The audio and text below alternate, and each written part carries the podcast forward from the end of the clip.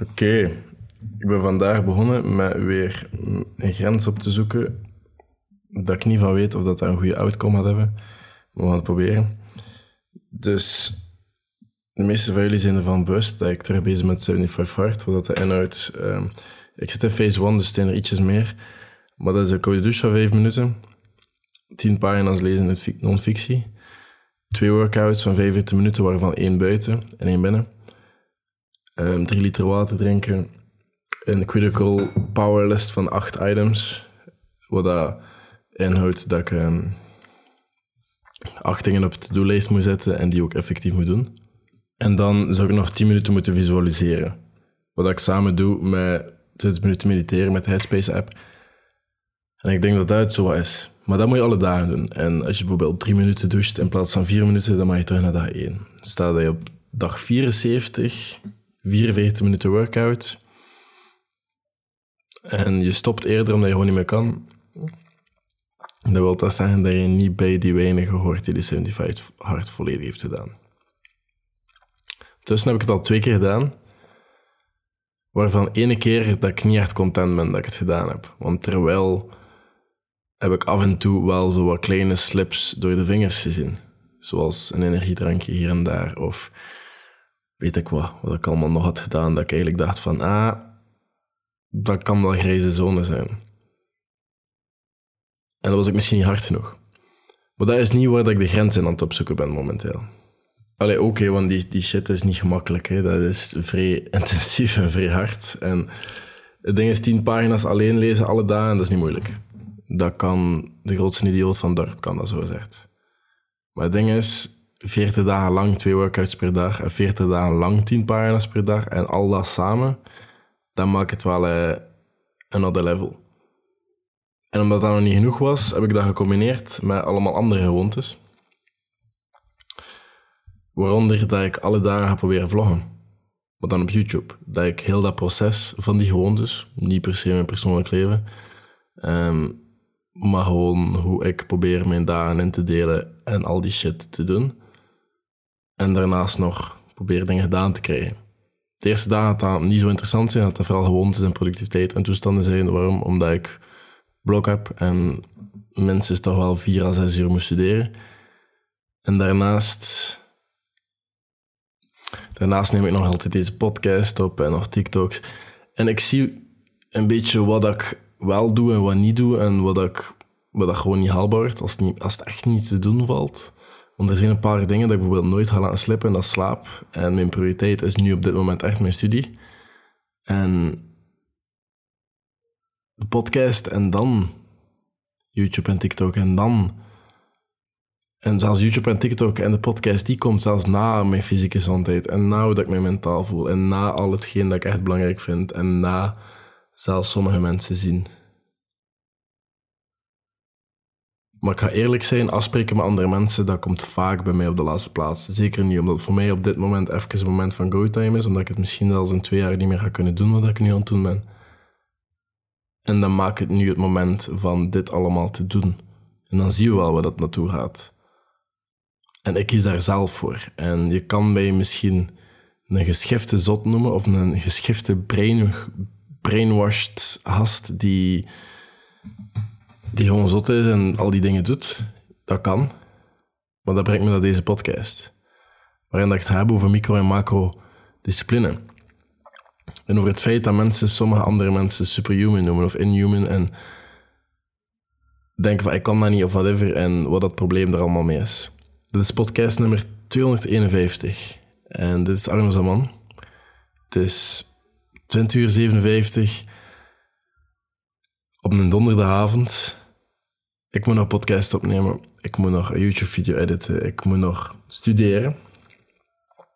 En dan zou ik nog moeten lezen. En dan heb ik tijd om te ontspannen. En ontspanning was een Franse film. Omdat ik ja, Franse examens heb. Maar die Franse film, ik weet nog niet of dat het er gaat inzitten. We zien dat wel. Ik wil op zijn minst wel zes uur slapen vannacht.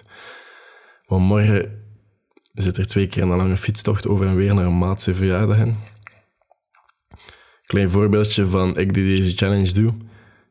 Ik heb nu al ingepland dat ik een mealprep morgen meepak om 20 kilometer te fietsen in plaats van mee te rijden met vrienden naar daar. om dan 20 kilometer terug te fietsen. Dat is mijn tweede workout. Dat is mijn tweede workout buiten dan, van twee keer een uur fietsen. En dan doe ik ochtends nog een workout. En ik ga daar niet mee barbecuen. Uh, misschien enkel vleesje mee pikken voor bij mijn rijst te gooien, whatever. Maar ik ga daar niet mee barbecuen, niet mee sausjes vetten, geen pintjes mee drinken. Dat is waar ik voor kies. Dat is op dit moment mijn prioriteit. Dat is een mentaal spelletje. Als je daar meer over wil weten, dan ga ik je doorverwijzen naar Andy Frizella. Dat, dat is de maker daarvan. Dat is een mentaal spelletje dat er gewoon voor zorgt dat je nee kan zeggen. En prioriteiten kan stellen en gewoon dingen klaar krijgt en doet. Zo kan ik het best omschrijven. En het werkt ook wel. En de phase 1 is de eerste keer dat ik het doe. Dat is net een tikkeltje harder. En ik ga daar vanuit direct naar de phase 3 enzovoort. En ik zie of dat die YouTube en zo dat allemaal mee gaat gaan. Maar ehm, ik was daar straks tijdens het eten. Um, vanmiddag, ja, ik heb boterhammen gegeten. Met eitjes. Dat is zeer gemakkelijk, zeer gezond en zeer lekker. En ja, ik was even aan het luisteren en dan ging het weer even over David Coggins of zo. Mensen praten over die man. Dat, is echt, dat is echt gek. Of over de Iron Cowboy. Je niet weten wie dat is, dat is een man die zeven Ironmans heeft gelopen. Maar niet in verschillende periodes. Hè. Niet zo een Ironman en dan volgend jaar nog een. Nee, die heeft zeven Ironmans gelopen in zeven dagen tijd.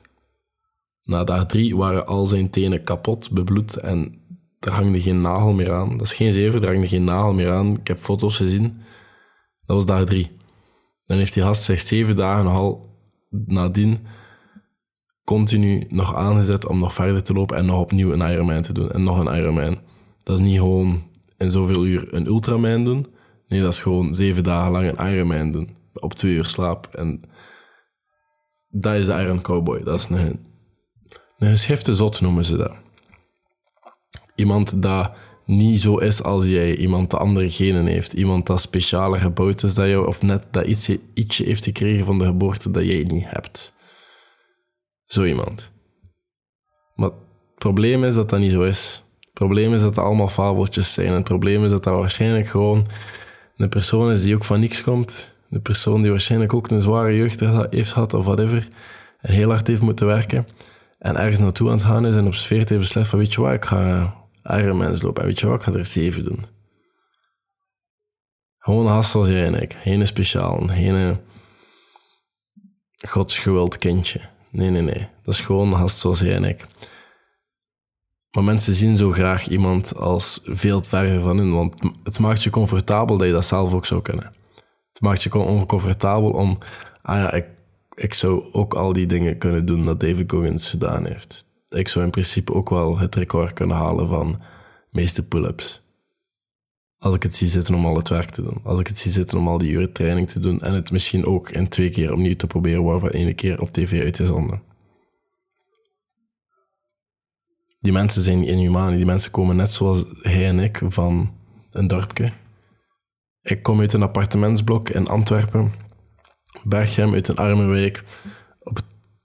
Durf het niet van buiten zijn, maar op twaalfde verdiep, denk ik. En dat appartement was niet veel groter dan mijn living en mijn keuken nu. Maar die mensen komen ook vaak niet van iets anders, of zelfs als die van een goed gezin komen. Die mensen hebben gewoon gekozen om te kijken, allee, dat zijn geen special people. Die mensen hebben gewoon gekozen van nu wil ik dat doen. En die hebben dat gezien als zijn zoals die mensen, denken zoals die mensen we laten even de ambulance passeren. Maar die hebben ervoor gekozen om te zijn zoals zo van die special people. Of te denken zoals die special people. Of zoiets. Of gewoon, zoals David Corgan zegt, uncommon amongst uncommon. Hè. Om zo te zijn, dan moet je echt gewoon weten dat dat een skill is. Dat dat iets is dat je kan oefenen. Dat dat iets is dat je alle dagen opnieuw moet bekijken van hoe doe ik dit? hoe outperform ik mezelf? Want dat is de grootste focus dat moest zijn. Je moet jezelf outperformen, iedere dag opnieuw. Zodat je iedereen uitvoert en de beste kan zijn in wat je doet op jouw moment, binnen jouw capaciteiten. En die liggen vaak gewoon tien keer verder dan je denkt. En dat is het maffen, hè, want dat is niet gewoon... Die mensen zijn gewoon geschift, of die mensen zijn zot, of die mensen doen die dingen. En die kunnen dat, maar ik kan dat niet. Dat is gewoon, die mensen hebben daarvoor gekozen. En die mensen hebben dat gedaan. En dat is het hele verschil. En ik denk dat dat gewoon iets heel belangrijk is om... Wat dat aan mij ook een beetje nu anders... Maar ik merk dat ook, hè. ik word anders bekeken door veel mensen. Of ik word door mijn vrienden soms een keer, waar, waar is die gast mee bezig? Of, allee, dat is allemaal minder belangrijk dan dat die gast zich dat laat voordoen. Of, al die zaken. Maar dat is het ding, dat, dat maakt mij niks uit. Dat is, dat is wie ik ben, dat is waarvoor dat ik kies. En dat is again waar dat ik voor kies. Wat dat hij voor kiest, dat maakt mij ook niks uit. Dat zijn nu zaken. Maar twijfels aan jezelf, één grote oorzaak van waarom dat hij graag denkt dat andere mensen gewoon veel beter zijn dan jou. Twijfel jezelf. En ik heb dat ook. Ik heb twijfels aan mezelf enorm dat ik nooit goed genoeg ben, dat ik nooit goed genoeg ga zijn. En dat, dat is gegrond uit kindertrauma, dat is gegrond uit verlatingsangst en verlaten zijn en al die zaken. Ik heb daar onderliggende emotionele redenen voor dat ik niet graag toegeef en dat ik waarschijnlijk nog altijd tien keer moet uitpakken en inpakken en uitpakken en inpakken tot ik er eigenlijk mee kan leven. En er beter mee kan omgaan. Maar dat zou mij niet mogen tegenhouden om te proberen beseffen dat ik wel meer kan dan ik denk dat ik kan. Want twijfels aan jezelf, iedereen heeft hij. Dat is, dat is iets zo ordinair, dat is iets zo normaal. Iedereen denkt dat hij niet genoeg is. En als je denkt dat je genoeg bent, dan denk je dat je rijf bent en dat is ook niet gezond. Want in principe zou je altijd wel iets te doen kunnen hebben. En dat brengt me naar het punt van deze podcast, macro en micro. Um, discipline. Macro en microdiscipline, heel duidelijk. Macro is wanneer dat Kobe Bryant op het veld staat en aan het scoren is op een wedstrijd. Dat is macro. Micro is wanneer dat hij duizend shots doet iedere dag.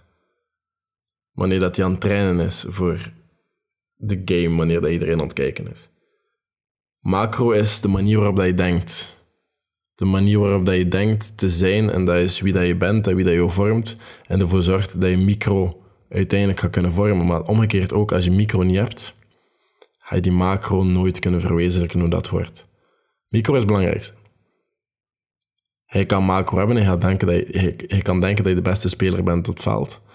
En denken dat je er alles voor moet doen en hard moet werken en bla bla bla. Maar als je niet de micro. Het is heel simpel onderscheid, maar het is wel een belangrijk onderscheid om te hebben. Als hij niet gewoon de micro-discipline onder de knie hebt en al die kleine dingen dat jou een betere speler maakt, onderhoudt en bekijkt en kijkt waar dat misloopt en alles aanvinkt iedere dag.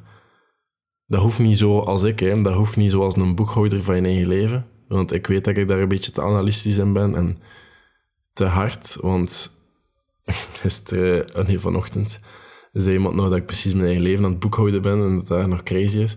Maar ik doe dat again. Dat kost mij tien minuutjes. Maar ik ben daar wel heel analytisch in. Ik wil zien hoe dat misloopt. Ik wil zien hoe dat goed loopt. Dat is, dat is misschien gewoon een, een hobby, hè, iets dat ik graag doe. Maar dat hoeft ook niet op die manier. Maar micro is echt gewoon trainen en alle dagen. Dat is niet gewoon om zoveel, dat is echt gewoon de dingen dat je doet om beter te worden, zodat die macro... En wat even dat die macro is, als je een schilder of zo, dan is micro die alle dagen schilderen, alle dagen tekenen, alle dagen bedenken, alle dagen schrijven, alle... Dat. Dat is micro. En dat is iets dat iedereen kan. En dat is iets dat iedereen zou moeten beslissen om te kunnen doen en moeten doen. Ik beslis om deze podcast te nemen. Ik kies om hier mijn tijd in te steken. Ik kies om zelfs nog 45 minuten mee te gaan afmatten. Dat is een keus. Maar volgens mij is dat microdiscipline om macro te kunnen performen als ik wil performen. En dat zou mij sterker moeten maken in het eindverhaal. Maar je mag mij een brainwashed zak noemen zoveel je wilt. Dit heeft mij weer waarde gedaan en ik vraag niks terug voor deze podcast. Deze podcast is volledig gratis. Ik draai hier geen reclame op, ik word hier niet voor gesponsord. Het enige wat ik vraag is als je iets uit deze podcast haalt, maar enkel als je er iets uit haalt. Als je niks haalt, ga naar de volgende en misschien heb je daar iets aan. Maar als je er iets uit haalt, het enige wat ik vraag, is als het dan een keer in een gesprek bovenkomt, dat je vertaalt over deze podcast. Deze podcast groeit organisch, enkel organisch. Dus ik vertrouw op mond-op-mond reclame of dat je deze podcast deelt. Maar voor de rest kan ik niet meer niet vragen. Maar enkel als je er iets aan hebt. Als je er niks aan hebt, luister een andere podcast. En daar geldt hetzelfde. Als je er iets aan hebt, kan je delen. Of kan je het een keer bovenaan in een gesprek als het zover komt.